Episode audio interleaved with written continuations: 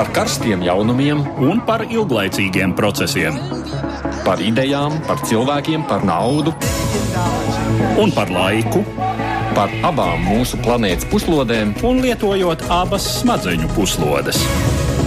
Ēterā raidījums divas puslodes. Redzījām, divas puslodes studijā atkal esam mēs divi. Edvards Liniņš, Naidis Tomsons, Edvards apsveic ar atgriešanos no atvaļinājuma. Paldies, paldies, nav jau gan īpaši ar ko apsveikt, jā. labi, labi. Mēs divās puslodēs šajā laikā ceturtdienās runājam par to, kas notiek pasaulē. Nu, stāsti tālāk. Tu. Jā, aizdomas par Krievijas noziegumiem ārpus Krievijas robežām pēdējā laikā pievērsušas pasaules uzmanību.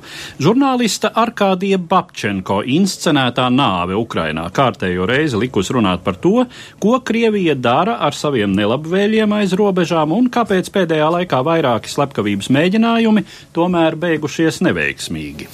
Arvien lielāka plaisa veidojas starp pārējo rietumu pasauli un ASV. Šajā nedēļas nogalē gaidāms ir G7 valstu vadītāju samits. Šķiet, pirmoreiz gatavošanos tam pavada tādi ļoti drūmi komentāri par tikšanās gaisotni un iespējamiem rezultātiem. Paredzams, ka valstu līderi nespēs vienoties par kopēju rezolūciju. Un vēl Slovenija varētu būt nākamā valsts, kur līdzīgi kā Ungārijā un Polijā toni noteiktu nacionālistisks populisms. Tur vēlēšanās liela nozīme bijusi ar partiju, ar partijām saistītiem medijiem. Turklāt aiz tā visa stāvējusi Ungārijas valdošā partija. Par to runāsim raidījuma beigu daļā.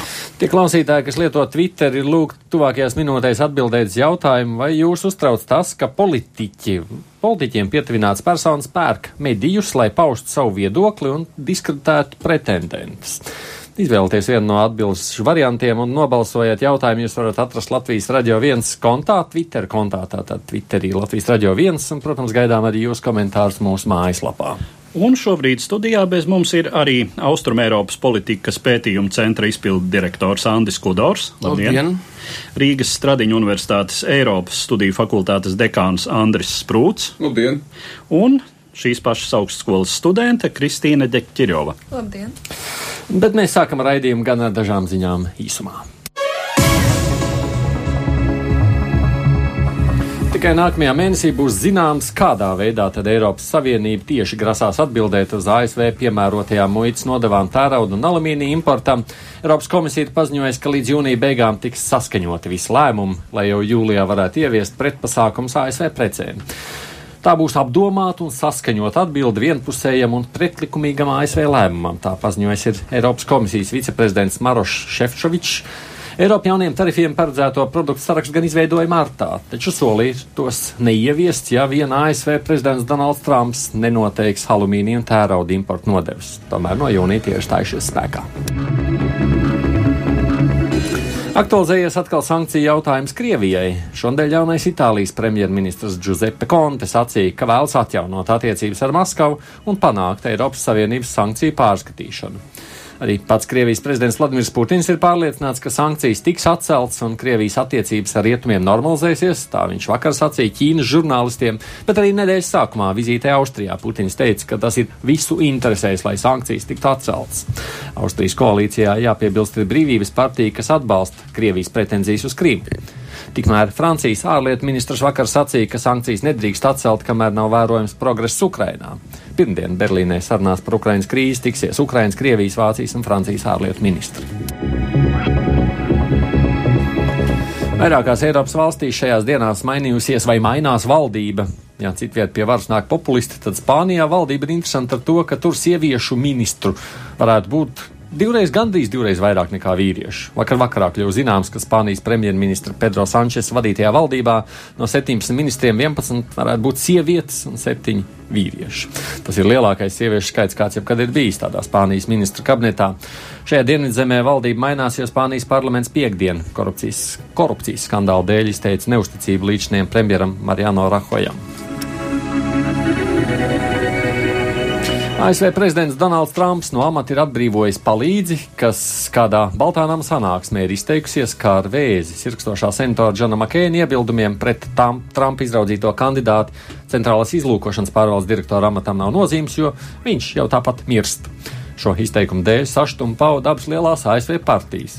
Kelija Sadlera vairs nestrādā prezidenta izpildu birojā, tā ir teikts Baltānām paziņojumā.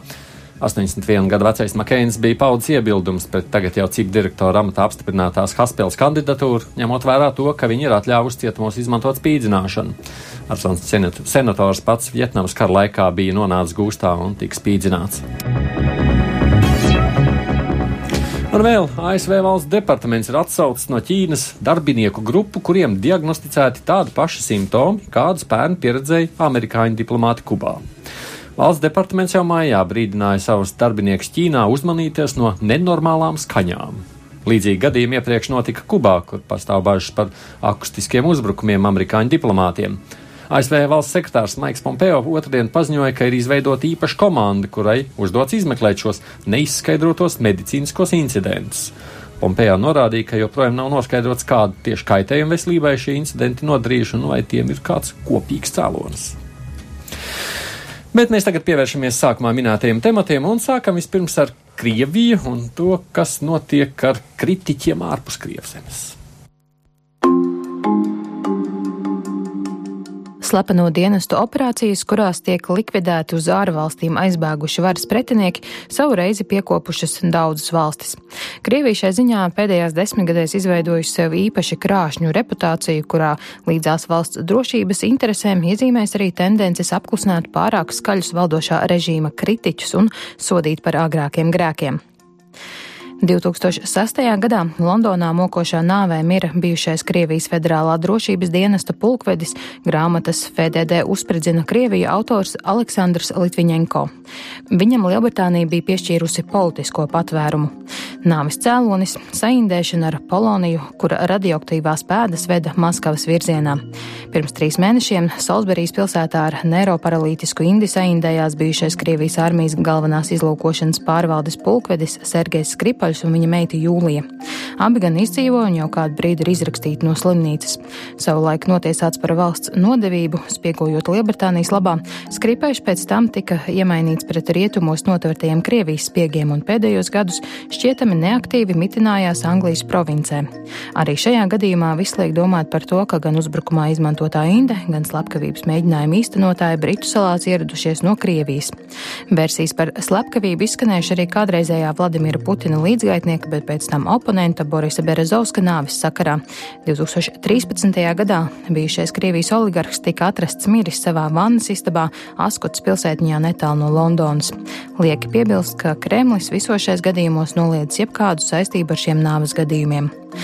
Uz šī fona ziņa par to, ka 29. maijā Kijevā nošauts krievu rakstnieks un kara ziņotājs Arkādijs Babčenko izskatījās pēc kārtējās spilgtās detaļas šai mozaīkā. Kopš vairākiem gadiem kļūst par Putina režīma agresīvās politikas konsekventu un asu kritiķi, Babčenko pirms vairāk nekā gada bija pametis Krieviju un pārcēlies uz Ukrainu. Dienu vēlāk gan izrādījās, ka domātais upurus ir sveiks un vesels un slepkavība tikusi inscenēta nolūkā novērst īsto atentātu un notvert tā organizētājus. Šobrīd arestēts kāds Boris Germans, uzņēmējs ar sakariem Krievijas politiķu aprindās. Kā apgalvo Ukrainas drošības dienesta pārstāvi, viņu rīcībā nonāca saraksts ar veseliem 47 žurnālistiem un blogeriem, kuriem varētu draudēt nāve no Maskavas nolīgtu slepkavas rokas.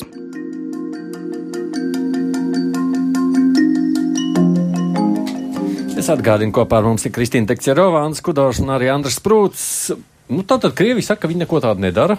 Un, nu, laikam atkal ik pa brīdim vienkārši tāda sagadīšanās notiek. Tā kāds no Krievijas kritiķiem mirst, varbūt tiešām sagadīšanās, ne? Nevarētu tā būt, protams. Sagadīšanās kādā jautājumā? Nu, nomirst nejaušām tie kritiķi. Un tad viss pievērš uzmanību. Viņš domā, Andri. Es domāju, es, var, es, es domāju, vienlaikus, protams, ka var arī runāt. Man liekas, ka teiksim, šis gadījums ir tas varbūt pats labākais gadījums, ko mēs reiz varam ierakstīt eh, Krievijas šo nomirušo oponentu lauciņā. Kurš šis? Ja mēs runājam par Babčenko ar pēdējo nenomira. Vēl jau vairāk, jo šis gadījums man šķiet, ka mazliet rada jautājums, un, protams, ka es, mēs pie tā noteikti nonāksim detaļās, bet faktiski tas Krievijai ir izdevīgi, kas šobrīd ir noticis. Ja runā kopumā par Krieviju, tad skaidrs, ka Krievija to ir darījusi, e, Krievija to nolieks, un tas nu, noliedzam, ka būs pilnīgi normāla arī reakcija. Es domāju, ka tas, kas attiecās uz spēcdienas cilvēkiem, kas ir aizbēguši, tā nav tikai Krievijas praksa, neataisnojot Krieviju, bet, bet, bet tā ir pietiekoši izplatīta praksa. Domāju, mēs par daudzām lietām nemaz neuzinām, kādās nāvēs, kurš karš mirst bijušos pēcdienas cilvēki. E, Krievija, protams, ka vienmēr papildus piedod tādu varbūt pipariņu, ka viņi to dara pietiekoši demonstratīvi. Pagaidiet, tā drīkst, es pārtraukšu uzreiz. Tu Jā. saki, nu, pieņemsim, Papšenko gadījums iespējams nemaz tāds nav. Un tā jau tiek teikts par visiem. Tās aizdomas tur bija savulaik Berezovskis, jā, tur tie jā un nē, un tomēr jau droši vien, ka nē, tad tur bija nesen tā Aeroflots vai kurš pārstāvs Lielbritānijā jā un nē, un droši vien jau tomēr laikam, ka nē. Jā, nu, par skripaļiem jau arī tepat jautājumi. Jā, nu par skripaļiem ir gadījumi, kāpēc tad galu galā nē? Kāpēc neizdevās?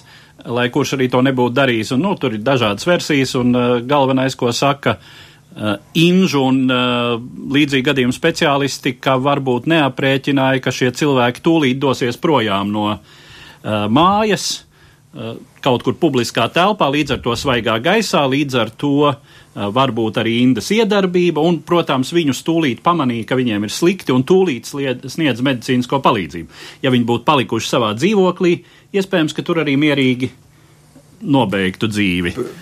Nu jā, bet es par to jautājumu sakot, redz, ka es, man liekas, mēģināju jā. tajā pieteikumā sacīt aizdomas. Jo mēs jā, jau laiku runājam par kādām aizdomām, nu, un iespējams, ka tā ir sakritība. Tas, kas ir Papčenko gadījums, ka te piedalās ne tikai Krievija, ja piedalās.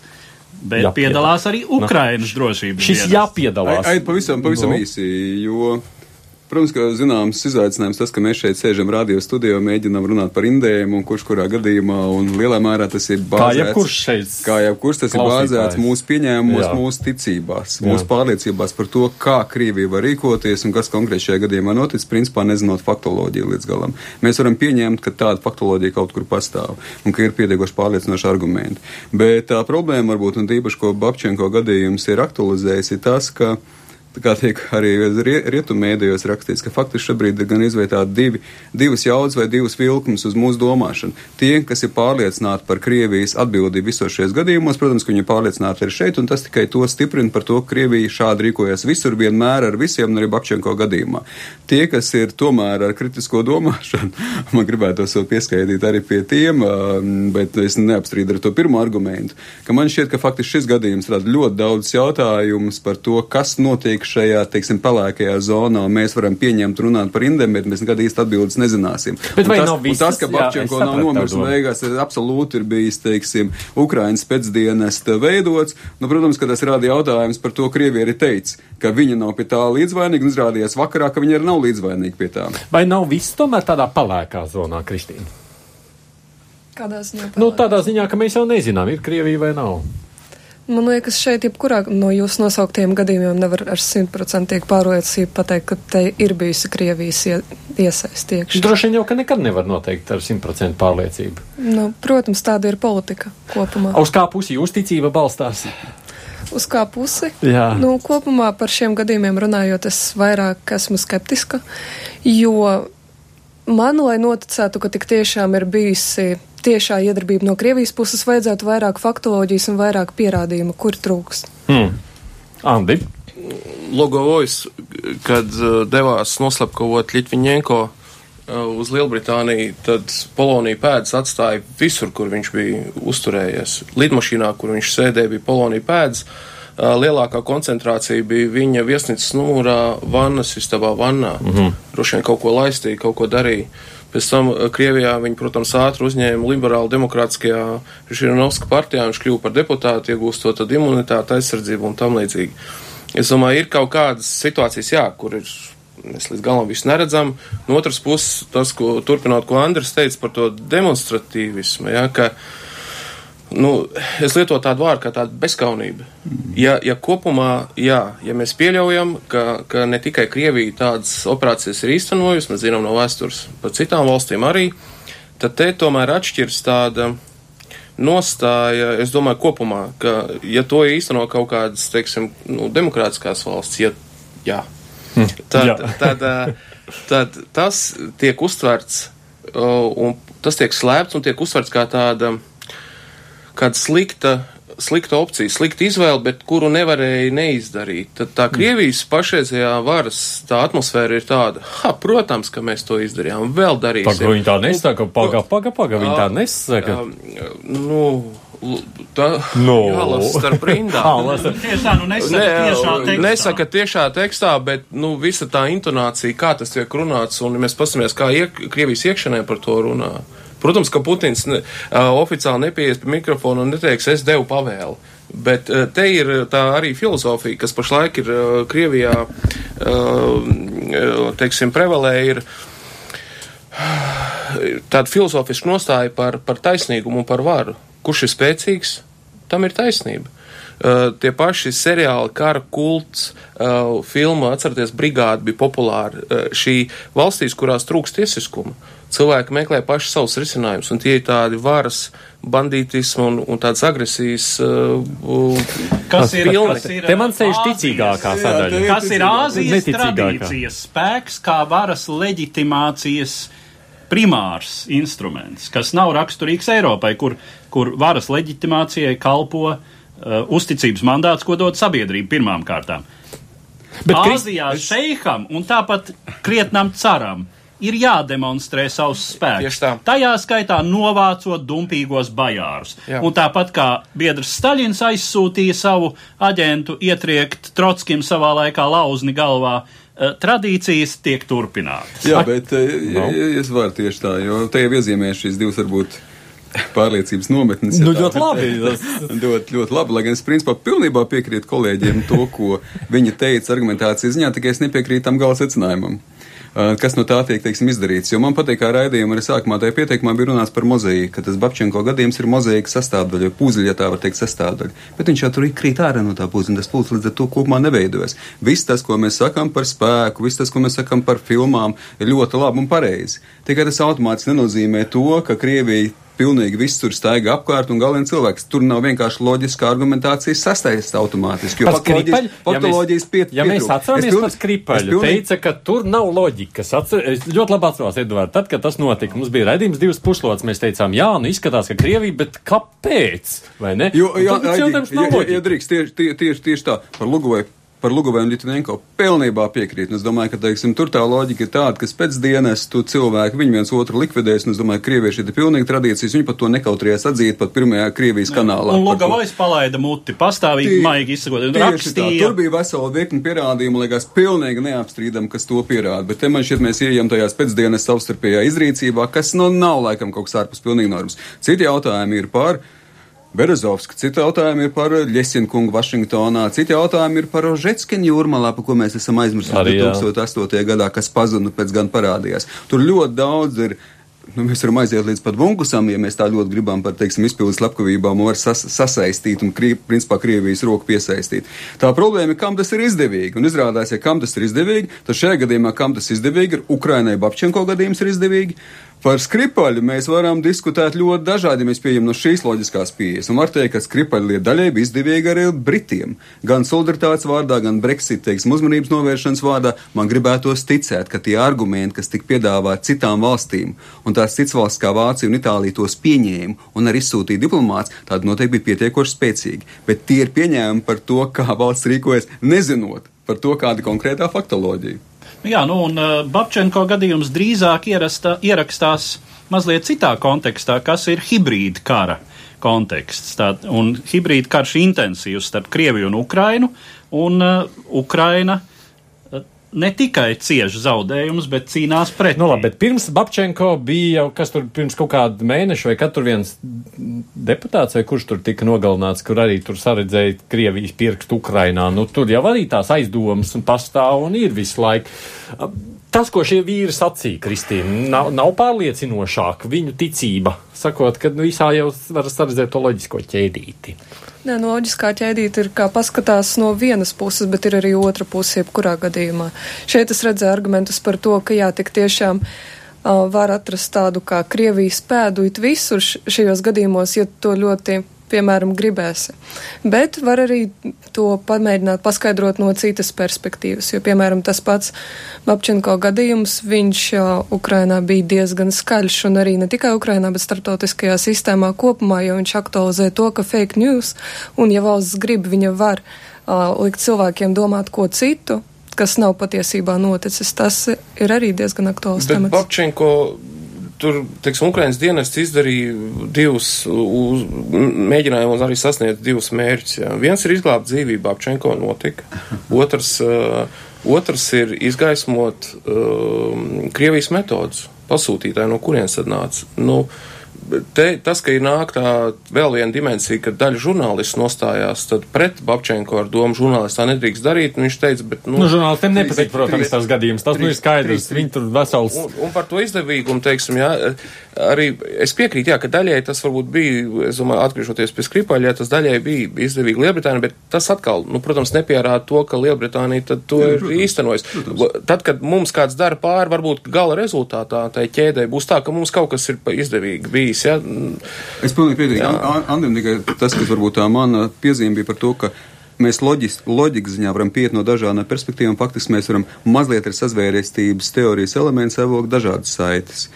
Un šeit jā, jā. mēs nenoliedzam kaut kur to darīsim, kas izrieties no mūsu pārliecībām. Pāris dažas, trīs, trīs maz pavisam īsti lietiņas. Viena ir tā, ka ir Krievija brīži, brīži kad viņi pilnībā ir atzinusi uh, likvidāciju. Teiksim, Hatap gadījumā viņi teica, ka tā bija spēca operācija. Uh, otra lieta, jāatcerās, ka ne jau tikai Krievija varēs runāt par Ukrāņiem, uh, nu, tie cilvēki, kas tur tajā Doņetskā gāja bojā.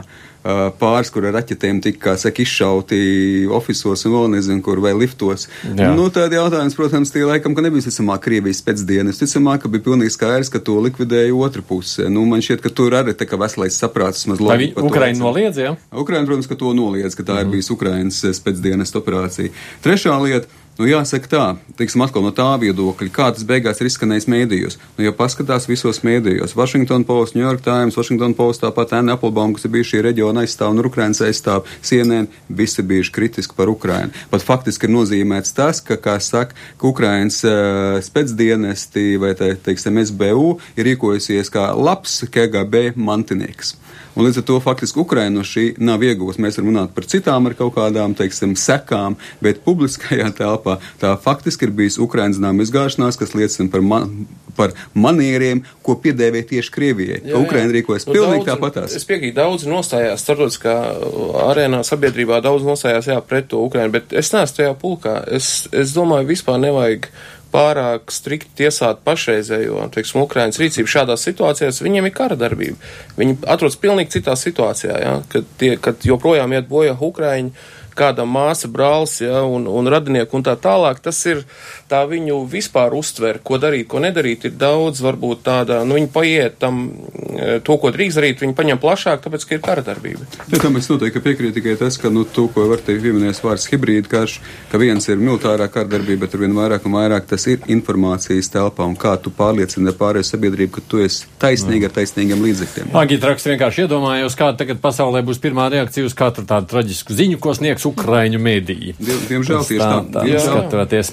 Labi, ejam uz nākšo tēmatu. Mums ir uh, cits jautājums. Tagad pievēršamies gaidāmajam G7 samitam Kanādā.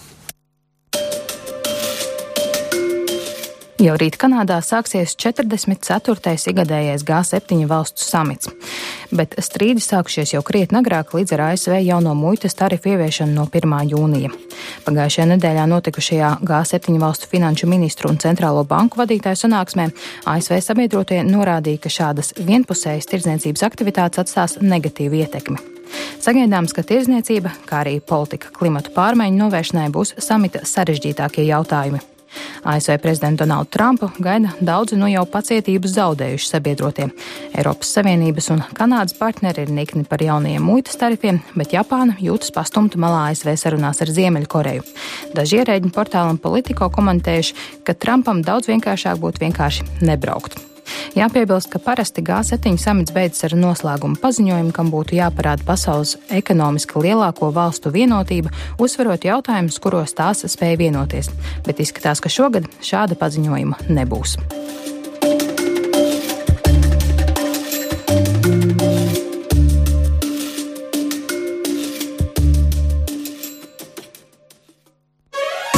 divas puslodes.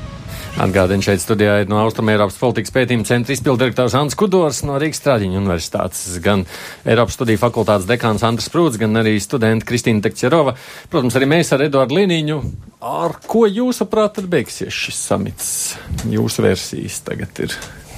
Man patīk, BBC šķiet bija vienā publikācijā rakstīts, ka to samitu varētu saukt kā G6 plus 1 vai varbūt pat G6 pret 1, ja ņemot vērā, ka Trumps jau vairākos jautājumos būs opozīcijā pārējiem. Es gan sliecos uz to, ka domstarpības, labi, daži jautājumi ir tādi kritiski, teiksim, lai tas nepārvērstos īstā tirdzniecības karā starp ASV un Eiropas Savienību un tas vājina kopumā transatlantisko saiti, kas nav labvēlīgi mūsu reģionā. Mums ir labi, ka ne tikai Eiropa ir vienota ar vienotu ārpolitiku, bet vēl vairāk, ka tā ir vienota arī ar Ziemeļameriku. Kāds bet, vienmēr ir bijis. Bet paņemot no to, te, man patīk, kā viens no tās um, G7 pētniecības grupas uh, vadītājs teica, ka tas reizē esot tāds vientuļo siržu tikšanās, kur viņi satiekās, jo valdīt, valdīšana esot tāda vientuļa lieta, un tad viņi satiekās izrunāties. Ir labi, ka šī raibā kompānija runās un viņi būs visi kopā. Nu, viņi jau runā, un tas, ka nebūs iespējams tas komunikē, jeb, jeb memorands beigās nav, protams, ļoti labi, bet nav arī ļoti slikti. Atsakot, mums ir šajā svarīgākais, kas optimistiskāks skats šobrīd no Andi Kudora nākošās versijas, Kristīna. Man, piemēram, šķiet, ka būs diezgan grūti vienoties par kādu pozīciju, mm. jo Trumps ir diezgan radikāli noskaņots, cik es noprotu, un viņš pats nepārāk koncentrējas tieši uz šo G7 samitu, bet vairāk ar tikšanos ar Ziemeļkorejas līderi, kura būs vēlāk. Un runājot par, piemēram, citām Eiropas Savienības valstīm, kā piemēram Vācija, viņas ir pret un nevēlas uh, tos nosacījumus, ko piedāvā ASV. Bet, ja domājies, tad, tad ASV prezidentam svarīgāk ir Ziemeļkoreja nekā sešas lielās pārējās valsts. Tas sanāk. Nu, laikam gan. Kaut kas interesants notiek starptautiskajā sistēmā. Andri. Nē, es, es, es piekrītu jau kolēģiem to, ko teica, ka man šķiet, tās tikšanās šobrīd ir tik daudz un dažādas, ka te. Uh, Nu, neviens puses tas atspoguļo lietu būtību. Mēs, protams, varam zīmēt nu, tādu pietiekoši nepatīkamu scenāriju, ka šī ir pasaule, kurā mēs vairs īsti vienoties būs grūti pat starp sabiedrotajiem, kurā katrs domās par savām interesēm, kurā faktiski tā, tā iepriekšējā kārtība starptautiskā ar ASV kā zinām veidā, teiksim tā, nu, vadītāja, virzītāja, ka tā ir beigusies, mums pašiem jāatrod kaut kāda sava vieta, līdz ar to es domāju, noteikti tāds pār, pārvērtēšanas elements, kas nav vienkārši, tā skaitā nav vienkārši Latvijai par to, kāda ir mūsu loma, kam tad mēs īsti, ja tā var teikt, kaut vai pieslēdzamies. Kaut vai gadījumā par kaut kādām gāzes piegādēm vai reģionām sadarbībām, vai tā ir ASV vai Vācija, un tad tomēr būs ir atšķirības. Uh, bet, ja runā par tirdzniecību, tur varbūt es šobrīd vēl nepārvērtētu, un tieši tās piekrīt arī nedramatizētu komunikē neparakstīšanu vai arī, teiksim, to, kas ir aplikts vai neaplikts, jo mēs skatāmies šobrīd Eiropas Savienības un ASV tirzniecība ir ap 600 miljardiem dolāru. Principā šie tarifi, kas, kas tiek ieviesti, viņi attiecās uz praktiski 1% tikai no šīs tirzniecības apjoma. Tādā brīdī, kad būs doma jau uzlikt, teiksim, uz vācu autoindustriju -huh. tarifs, tādā brīdī mēs varēsim runāt jau par tirzniecības karu. Šobrīd mēs varam runāt par signāliem, par to, ka Amerika pirmā, par to, ka mēs, teiksim, tīpaši tajā pietiekoši jūtīgajā metāla industrijā vai nē, kur vajag arī parādīt, ka Trumps iestājās, nu, tad tas, tas tiek izdarīts. Bet, Diemžēl Trumps jau arī pieminēja pieminēja, laikam, maija pēdējā dienā, ka, eh, laikam viņš teica, pa Ņujorkas ielām, pa 5. avēnī nevajadzētu braukt tik daudz Mercedesiem, runa bija par luksus auto, un tad tur bija reakcija arī Vācijas pusē jau, bet tā ir tā nopietnākā sadaļa. Es mm. ceru arī, ka līdz tam neaizies. Tas jau būtu vairāk nekā tērauds un, un alumīnijas. To izslēgt nevar. Bet... Nu, jā, nu jautājums ir, protams, vai un ko uh, Trumps ar Merkeli runās par uh, Ziemeļu straumi divi, mm. par uh, Krievijas gāzes iegādi Vācijai un Eiropai, kas ir arī kļuvis par jutīgu jautājumu pēdējā Kāda laikā. Trumpam tur interesi? Uh, kā zināms, šķiet, ka tieši Trumps ir izteicies, kā nu, uh, Savienotās valstis varētu vērst sankcijas pret tām firmām, kuras īsteno šo nu, jā, projektu. Jā, jā, bet, tas nav. Bet kāpēc? ASV vēlas tirgot sašķināto gāzi. Tikai Eiropai. tāpēc, jā. Nu, nē, nu droši vien ne tikai tāpēc. No, no. Tā ir runa par, protams, par Krievijas eh, enerģētiku kā ietekmes instrumentu, uh, pret ko mēs vienmēr esam bijuši šajā reģionā ļoti uzmanīgi. pret ko ļoti uzmanīgi ir Polija. Nu, mēs jau skatāmies uz Savienotajām valstīm kā energoresursu piegādes alternatīvu, šobrīd nesalīdzināmi dārgāku. Vācija ir pateikusi, ka tai nav vajadzīga tik dārga gāze, kādu to piedāvā Savienotās valstis. Krievijas dabas gāze ir lētāka, un Vācija īsti nesaskata, vai, vai nu, teiksim, joprojām tās politiskās problēmas ir sekundāras. Ja? Um, ja es tomēr. Jā, jā, jā. Ja mums tāda izveido, izveidojas tā, ka mēs esam um, dažādās pusēs, un laikam tieši tāpēc arī jā, jā, tas tikai daļa galda. Man tā šķiet, es pa vidu. Man tā šķiet, ka mēs šeit esam atraduši kopalodu, izrādās, ka nē. ka tomēr sāk parādīties atšķirības, jo. Es, pat, es no vienas puses kolēģiem gribētu piekrist arī par to gāzes piegādēm, bet kad mēs skatāmies tīri faktoloģiski, tad šobrīd vēl joprojām ASV pot, ir, ir, ir net importētāji, nevis net eksportētāji. Tas ir viens. Viņi joprojām vēl importē no Kanādas. Viņi vairāk patērē nekā saražo. Bet skaidrs, ka potenciāls tur ir. Otrs gan potenciāls, ticamāk, ka tas aizies uz tāliem austrumiem, uz Japānu un, teiksim, vairāk tajā virzienā. Līdz ar to Eiropa un es precīzāk pateikšu, centrāla Eiropa ir kļuvusi tomēr par politiskās cīņas lauku, un tas, kas tiek arī, teiksim, teikts un uzsvērts, ka centrāla Eiropa būtībā ir tāds Trumpa instruments, kurā caur kuriem viņš grib, teiksim, lielā mērā paplašināt savu ietekmi. Daļēji arī viņa redzējums, ka Eiropas Savienība ir negluži darbojoša un nevajadzīgi darbojoša, ka, teiksim, tādi cilvēki kā Kačīnskis vai kā Orbāns faktiski ir lielā mērā viņa ideoloģijas pārstāv, viņa ideoloģiskā bloka pārstāv. Un tāpēc, teiksim, tā ideja, protams, ir tāda, ka viņš var mēģināt piedāvāt, ka, ziniet, šis intermarum reģions starp Vāciju un starp Krieviju, viņš var tikt apgādāts ar šķidrināto gāzi, bet faktiski tā šķidrinātā gāze šeit pat otršķirīga, pirmšķirīga, teiksim, strateģisks veidojumu veidošana, ja tā var teikt, pretstatā šīm centrālajām valstīm, ir īpaši Vācija, lai padarītu, teiksim, savas arī sarunu vešanas uh, nu, pozīcijas labāks, bet tas ir arī daļai par ideoloģiju. Viņam Angela Merkel faktiski kaut kāda veida ir vecā establishment, vecās domāšanas pārstāvi. Uh, tas, ko mēs runāsim par Sloveniju, par Orbānu, par Kačīnsku, tie faktiski ir viņa ideoloģiskie sabiedrotie. Nu, te ir vēl viens moments. Ko Trumps arī ieliek kontekstā, proti Vācijas ieguldījums NATO, Jā. Vācijas ieguldījums Eiropas aizsardzībā, kas de facto ir nepietiekams pret Vācijas ekonomisko potenciālu, un tad šī aina ir tāda. Vācija lēti pērk Krievijas gāzi un nepietiekami iemaksā Eiropas aizsardzības budžetā. Jā, no, cikot, Trumpam nepatīk Merkele, Merkelē droši vien nepatīk Trumps, un es saprotu, ka Kanādas tas premjers jau bet arī... Smaidīs, jā, jā. Bet abi smaidīs gala bildi. Bet iedomāties, tur divas dienas sēdēs, sēdēs kopā vientuļās sirdis, viens otru nemīlot un skatoties ar aizdomā, kas tur briesmīgas satikšanās. Jā, es vēlētos nedaudz nokomentēt par šo gāzes darījumu, kas notiek ar Nord Stream 2 un kāpēc ASV ir pret to. Jo principā Vācijai nebūtu izdevīgi šajā gadījumā sadarboties ar ASV, jo tā ir ļoti augstas cenas uz transportēšanu. Un tā kā Nord Stream 2 palaidīs ļoti lielu gāzes plūsmu tieši uz Vāciju caur šo, teiksim tā, jūru, tad uh, cenas uz gāzi nolaidīsies. Tas būtu principā tikai izdevīgi Vācijai iepirkt gāzi nevis no ASV, bet gan no Gazproma. Protams, tā ziņā ASV kā tirgotājai tas nebūtu izdevīgi, ja nākotnes jā. perspektīvai. Jā. Tāpēc arī šeit ir strīds starp Vāciju un es būtu, ASV. Es, es būtu varbūt mazliet piestardzīgs, kā es teicu, jo man šķiet, ka nākotnē es neizslēdzu, ka Trumps grib atstāt vaļā, teiksim, iespējas tirgoties ar Eiropu un lai būtu viņam klienti jau, bet es nedomāju, ka tas ir galvenais. Ja mēs paskatāmies no otras puses, teiksim, tas, ko Trumps izmanto, to savukārt, ka šīs saņemošais gals Vācija grib kļūt par hubu, ir īpaši Krievijas gāzes izplatīšanai. Tieši tāpēc interesanti, ka pret Nord Stream iebilst tā valsts, kas absolūti neiebilst pret savu streamu, bija ļoti gatava, tā bija Itālija, bet pret Nord Stream viņi iebilst. Jo cīņa ir par to, kas ir hubs, kas ir izplatītājs Eiropā. Vācija grib būt izplatītājs gāzes, Polija grib būt izplatītājs Amerikas potenciālajai gāzē. Un, protams, ka amerikāņi uz to diezgan labi arī spēlē. Bet šajā kontekstā, noslēdzot šo tematiku, es gribu pajautāt vakardienas Putina izteikumus intervijā Ķīnas medijiem, sakot, ka Trumps jau tā vai tā tik ļoti būs.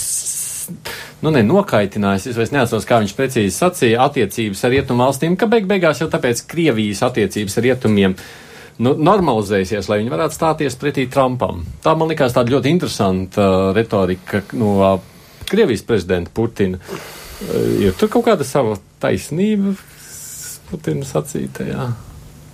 Mm. Es šaubos, vai, vai tas principiāli kaut kādās īstermiņa spēlēs var būt. Nu, Putins ir nokaitinājis daudz.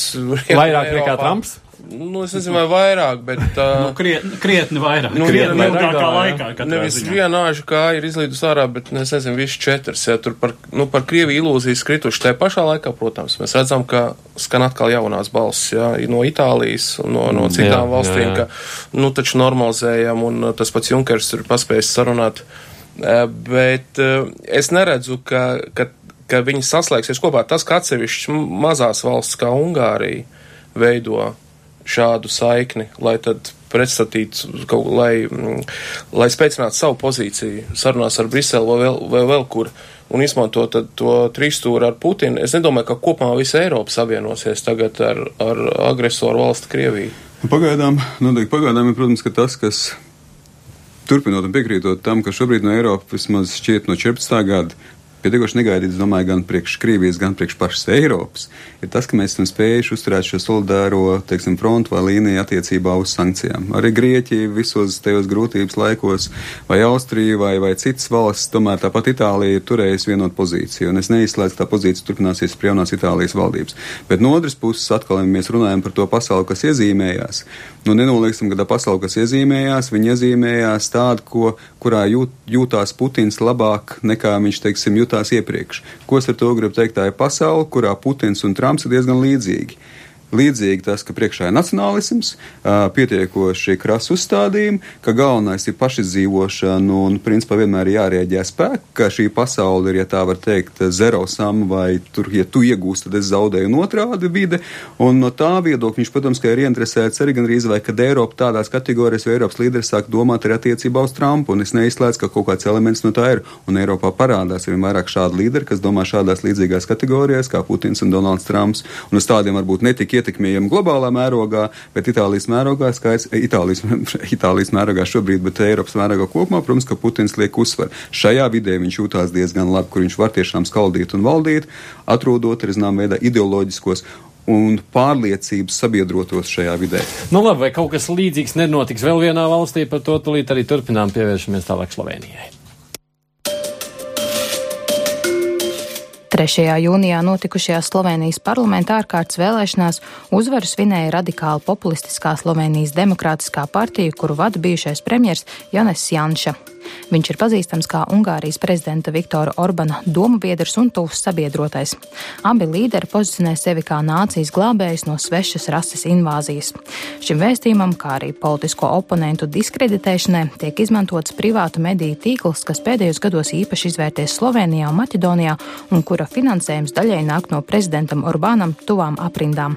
Vēlēšanās sagraujot līdz šim dominējošos liberāli centriskos spēkus, Janšas partija ieguvusi lielāko mandātu skaitu, kas gan netuvu negarantē vairākuma koalīcijas izveidi.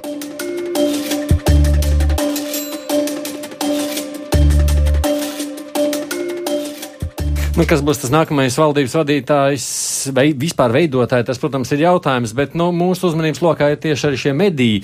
Es arī īstenībā domāju, kāpēc vispār tieši nacionālo no nu, tādu ideju paudējiem tik ļoti svarīgi iegūt to varu pār medijiem. Mēs jau to vērojam nevienā vien valstī, vai ne? Nu, es domāju, tie, kas nav draugos ar tādu tīru ideju par liberālo demokrātiju, tad tie meklēs iespēju kā nokontrolēt. Un Slovenijas piemērs ar televīzijas kanālu Nova 24 TV Jā. un tas skandāla 24 lapa. Nu, tur sevišķi tās baumu lapa skandāla 24. Viņi izmantoja baumu, baumas bez lieliem pierādījumiem, un tas ir kaut kas, kas atkal labi nodara populismam ar domu. Jūs redzat, kādi tie nelieši. Bet kopumā es neteiktu, ka, ka tas ir kaut kā ar nacionālismu saistīts atsevišķi. Es domāju, tas tā nedemokrātisma kaut kāda mm, infekcija, viņa var izplatīties jebkur, pie jebkādām, negluži pie jebkādām ideoloģijām, bet pie dažādiem strāvojumiem. Tas ir saistīts ar nedemokrātiskumu. Jā, es domāju, es pilnīgi piekritīšu, varbūt gan es tomēr pa, paturpinātu arī, ka šis nedemokrātiskam bacils vai vīrus, viņš ir vienlaiks, vienlaiks saistīts tomēr arī ar kaut kādu nacionālismu par to, ka te valstī ir, viņi dzīvo vidē, kurā jārūpējas pašai par sevi, un līdz ar to, zinām, spēka uh, spēcīgā roka kontrola, ka tā ir svarīga. Pieņemsim paskatīsim uz Poliju, kas, manuprāt, ir viena no demokrātiskākām, dažkārt pat anarchistiskākām, teiksim, valstīm vēsturiski un nekad nepiekrīt varai.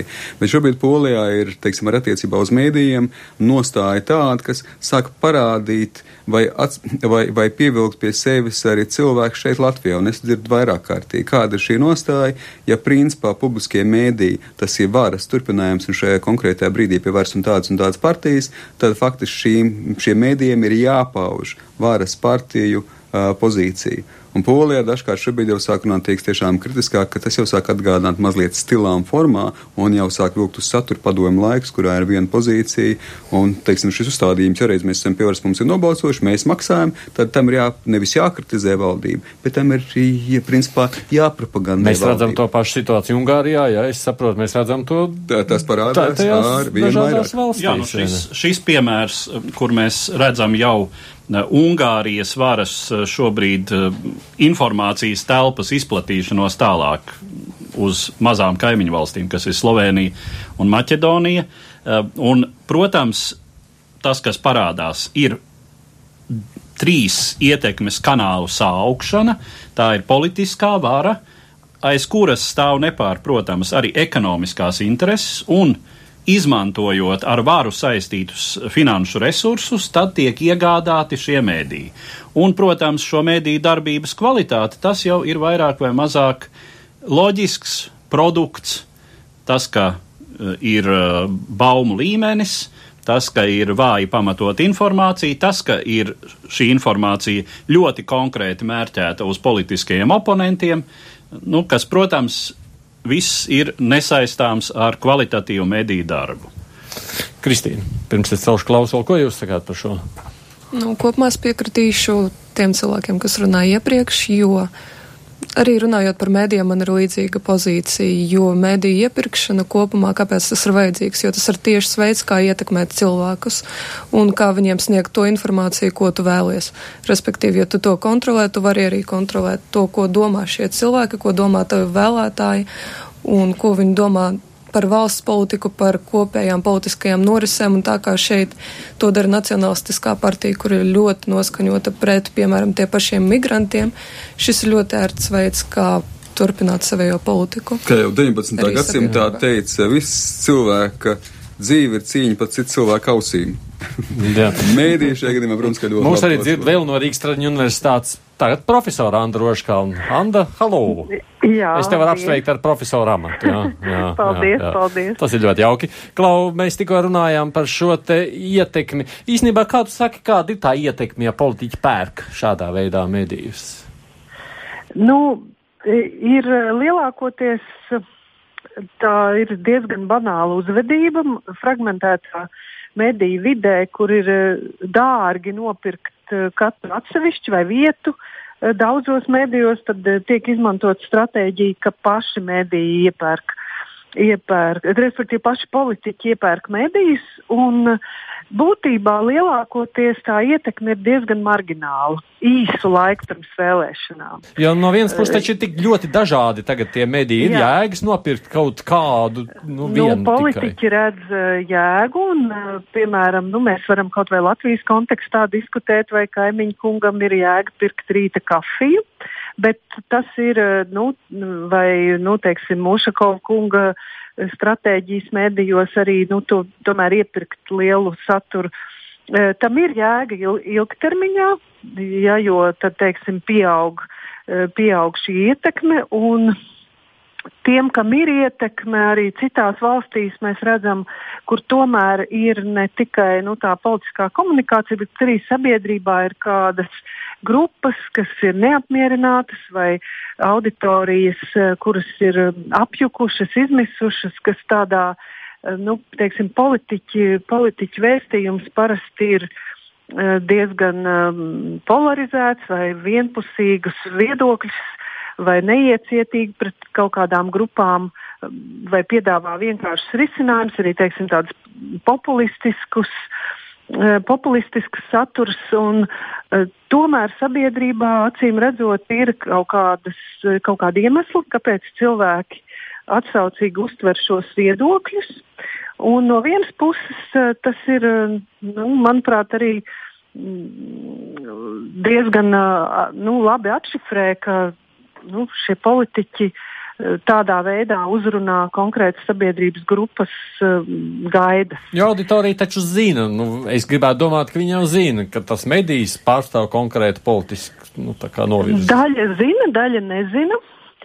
Jo parasti, nu, teiksim, Latvijā tas ir diezgan kombinētā veidā. Ja, kad tur ir gan neitrāla, vienlaikus tas ir medijs, vienlaikus tas ir politiski ietekmēta, informācija tiek integrēta medijā. Uh, Bet uh, tas, kas ir izcinājums, ir tomēr šī caurskatāmība, kaut vai sākot ar šo sarunu, kur skaidri tiek pateikts, un cilvēkiem ir pieejama informācija, kam tas pieder, uh, ir kaut kāds regulējums, vai vispār politiķiem, politiskai partijai drīkst piederēt, nu, tad uh, izmanto draugus, ja, kā, kā jūs jau runājāt diskusijā, teiksim, šie mhm. Eiropas politiķi. Uh, Tā kā es redzu, tad es neredzu iemeslu ārkārtīgi uztraukties vai aizliegt, bet es redzu uh, risinājumu uh, caurskatāmi. Teiksim, ja, ja tāds medijs uzbrūk uh, savam politiskam konkurentam, tad profesionāliem medijiem būtu pastāvīgi jāraksta par to, kā tas notiek, par šīm stratēģijām un jāparāda, redziet, kā, redziet, kā šis kompromitējošs materiāls tur parādās, tāpēc, ka uh, tam mhm. politiķim tas ir izdevīgi. Un, un viss. Paldies, Anta Rožkalna, kas ir Rīgas Traģiņu universitātes profesors. Starp citu, mēs jautājām uh, arī klausītājiem, vai viņus uztrauc, ka nu, šīs te politiķiem pietuvināts personas pērk medijas. Man liekas, pirmo reizi tāda aptauja, kur visi, kas balsojuši 100% saka jā, ka viņus tas uztrauc. Neviena nav, kurš teiktu nē, vai neviens nekā citādi nav komentējis. Tā kā no, no tāda mūsu pierastā viedokļa tas šķiet nepareizi. Tas ir tā? nepareizi. Nu, ka politiķi pērk nu, tieši tā, jā. Mēs varam tikai. Twitter autorija ir pilnīgi vienbalsīga. Mēs varam tikai priecāties par savu auditoriju šajā ziņā. Es gribēju turpināt to domu par to, ka tu prasīji, vai, vai tad daļa nezina, ka noteikts mēdījis piedara, teiksim, kādai vienai personai vai, vai ir saistīts ar noteiktu politisko spēku. Uh, bet pieņemsim, ka kaut kāds populistisks spēks tagad izmanto vienu mēdīju, un tā auditorija zina, ka, ka tas mēdījis ir saistīts ar viņiem, bet, nu, un tad viņi taču pauž mans intereses. Ja, tikpat labi tas var, var neradīt noteiktā sabiedrības daļā, tas pat var arī nesatraukt. Jo tas, kas bija tas arī Slovenijas piemērs par to baumu žurnālu skandālu 24, Tur jau arī, nu, kas ir viena no populismu tipiskākajām iezīmēm, ir, ir šis vēstījums par to, ka mēs vienmēr labā tauta, nekļūdīgā, mums stingri jāiestājas pret vienmēr korumpēto un vienmēr netaisno eliti. Un ja tajā skandāla žurnāla, skandāls 24 žurnālā tiek rādīti elites pārstāvi un tiek izgaismot redzēt, kādi viņi tomēr ir nelieši, tad tur jau, nu, tad daļai sabiedrības var nerasties uh, uztraukumu. Uh, man tomēr šķiet, ka te ir zināma, zināms pamats satraukumam ar Latvijas gadījumā. Uh, to, ko Anna norādīja, es domāju, ka ļoti labi par to caurskatāmību un skaidrību, bet, nu, atkal mūsu pieredze jau liecina, ka, teiksim, cik mēs ilgu dienai mēģinājām jā, identificēt, jā, jā. kas tad īsti ir tie. Bet tiem politiķiem neko tas nepalīdzēja, kā mēs redzam. Tas ir cits jautājums, to mēs īsti nezinām, cik palīdzēja un cik nepalīdzēja, jo, teiksim, arī, ja skatās tādu no mēdīju politikas vai no politikas mēdīju politikas viedokļu, tad ir ļoti labi būt neitrālam līdz pat vēlēšanām. Vēlēšanās sākas mest iekšā ļoti konkrēta informācija. Tas, kas Latvijas gadījumā, un es domāju, projām ne tikai Latvijas gadījumā ir svarīgi, varbūt ir kaut kāds mantojums no pagātnes, ir tas, ka tas ekrāns ir nu, tā viena no tomēr svarīgākām lietām. Pārējie ļoti daudz dažādu trokšņu. Te ir, protams, Twitter publika, kas iet detaļās un varbūt arī skatās dažādas lietas, Jā. bet lielākam vairākumam cilvēku tomēr tā televīzija un ekrāns ir svarīga lieta. Un tieši tāpēc arī šeit, Latvijas gadījumā, es domāju, ka nu ļoti svarīga un šī cīņa, kas ar man šeit jau šeit parādās, no tos sabiedriskos mēdījus, nu cik vien iespējams to neatkarību saglabāt. Un tas ir tomēr zināms cīņas lauks pat. Ja es beigās jautāju, tomēr, jūs prāt, kas notiks Slovenijā? Ir versija. Nu, viņa kļūs līdzīga Ungārijai, Polijai, turpinās šo te. Slovenija. Slovenija ir līdzīga šobrīd eh, visu pirms Eiropai. Tā ir sadrumstalota, Tā ir faktiski mazliet strupceļā nonākusi, kurā skaidrs, ka valdības izveidota diezgan pagrūti, kurā ir zinām radikalizācija vienam ar otru, kurā tieši tā šie mēdī spēlē dažādu lomu, kurā ir informatīvie trokšņi, kurā ir nācis cilvēks ar salīdzinoši apšaubām pagātni, bet atkal viņš ir spējis, teiksim, un ar tā skaitā ar mēdī palīdzību izveidot kaut kādu zinām tēlu. Kurā ir arī zināmā veidā cīņas starp dažādiem ideoloģiskiem strāvojumiem, principā nu, kā saka, šobrīd par Eiropu un attiecināt to uz Sloveniju, arvien grūtāk ir pamatot, ka tiešām nav nekādas krīzes Eiropā. Jo, nu, tie argumenti ir vien mazāk un mazāk, jo mēs esam sadrumstot, fragmentēti un atrast to kopalodu Slovenijas gadījumā būs grūti un Eiropas gadījumā kopumā. Te ir vēl jautājums arī, vai, vai izdosies tajā Slovenijas demokrātiskā savienība, kā tas tagad uzvarētājs spēks saucās, vai viņiem izdosies valdību izveidot. Nu, jā, jā, tur ir liels jautājums, vai, jo tā koalīcija veidojas negribīgi pašlaik ir diezgan liela pretestība, jo tie pārējie ir vairāk liberāli noskaņot, un šie ir tādi konservatīvi ar populismu pazīmēm. Tur varētu arī neizveidoties, bet kopumā jā, es piekrītu par to tendenci. Populisms bieži vien ir reakcija arī uz, uz mainstream, ja pamatstraumas nerisinātajām problēmām. Un, ja Slovenijā parasti arī sasaistē ar ekonomisko krīzi, Slovenijā gan nav ekonomiskās jā, krīzes. Jā, Pašlaik mm. tie pēdējie dati par, pēdējo, par pirmo ceturksni šogad ir, uh, ir 5% ir apmēram ir Latvijai un arī Slovenijā. Mēs esam flagmaņi ar viņiem kopā. Te tomēr vairāk migrācijas jautājumi un vai viņi tiešām tur vienmēr ir bijuši labi risināti, mēs redzam, nu viņi nav bijuši labi risināti. Un tad populists nāk ar, ar vienkāršotiem risinājumiem un kompleksām nu, problēmām. Viktors saka, nu kas traucē tām demokrātiskajām valdībām ņemt vērā visas tās vajadzības, nu tad nebūtu jācepas par nacionālajām uh, izpausmēm. Nu, kopumā, kopumā jā, bet Slovenijas gadījumā, neskatoties uz to, ka šobrīd tur valda diezgan liels nacionālisms, viņi ir ieinteresēti sadarbībā ar Eiropas Savienību pirmajā kārtā, jo tā viņiem tieši nes šo ekonomisko izaugsmi. Un līdz ar to viņi sevišķi negribēs iet pret straumi. No, no bijušām šitās Dienaslāvijas viņa jau faktiski bijusi nu, vislielākais veiksmes stāsts. Jā. jā, nu un jāsaka ir par šo pašreizējo konkrēto situāciju, jā, 25 deputātu vietas no 90, bet tas var izrādīties kaut kas līdzīgs mūsu uh, saskaņai, jā. jā, kur uh, neviens ar viņiem īsti negrib runāt. Jā, protams, alternatīva ir ļoti sadrumstalota demokrātisko spēku koalīcija, nu, pro-eiropeisko spēku koalīcija, uh, bet uh, drīzāk tomēr rēķinot aritmētiski un pēc tā iekrāsojuma politiskajā spektrā. Jā, 20 sekundes. Bils Klintons savā laikā teica, cits ekonomists, ka tā ir ekonomika vispirms un ka tiešām jāmeklē risinājumi. Bet, diemžēl, mēs dzīvojam laikmatā, kurā tā vispirms ir politika. Un politika nav par ekonomiskām interesēm un risinājumiem. Politika par identitāti, politika par ticību, politika par pārliecību, politika par bailēm.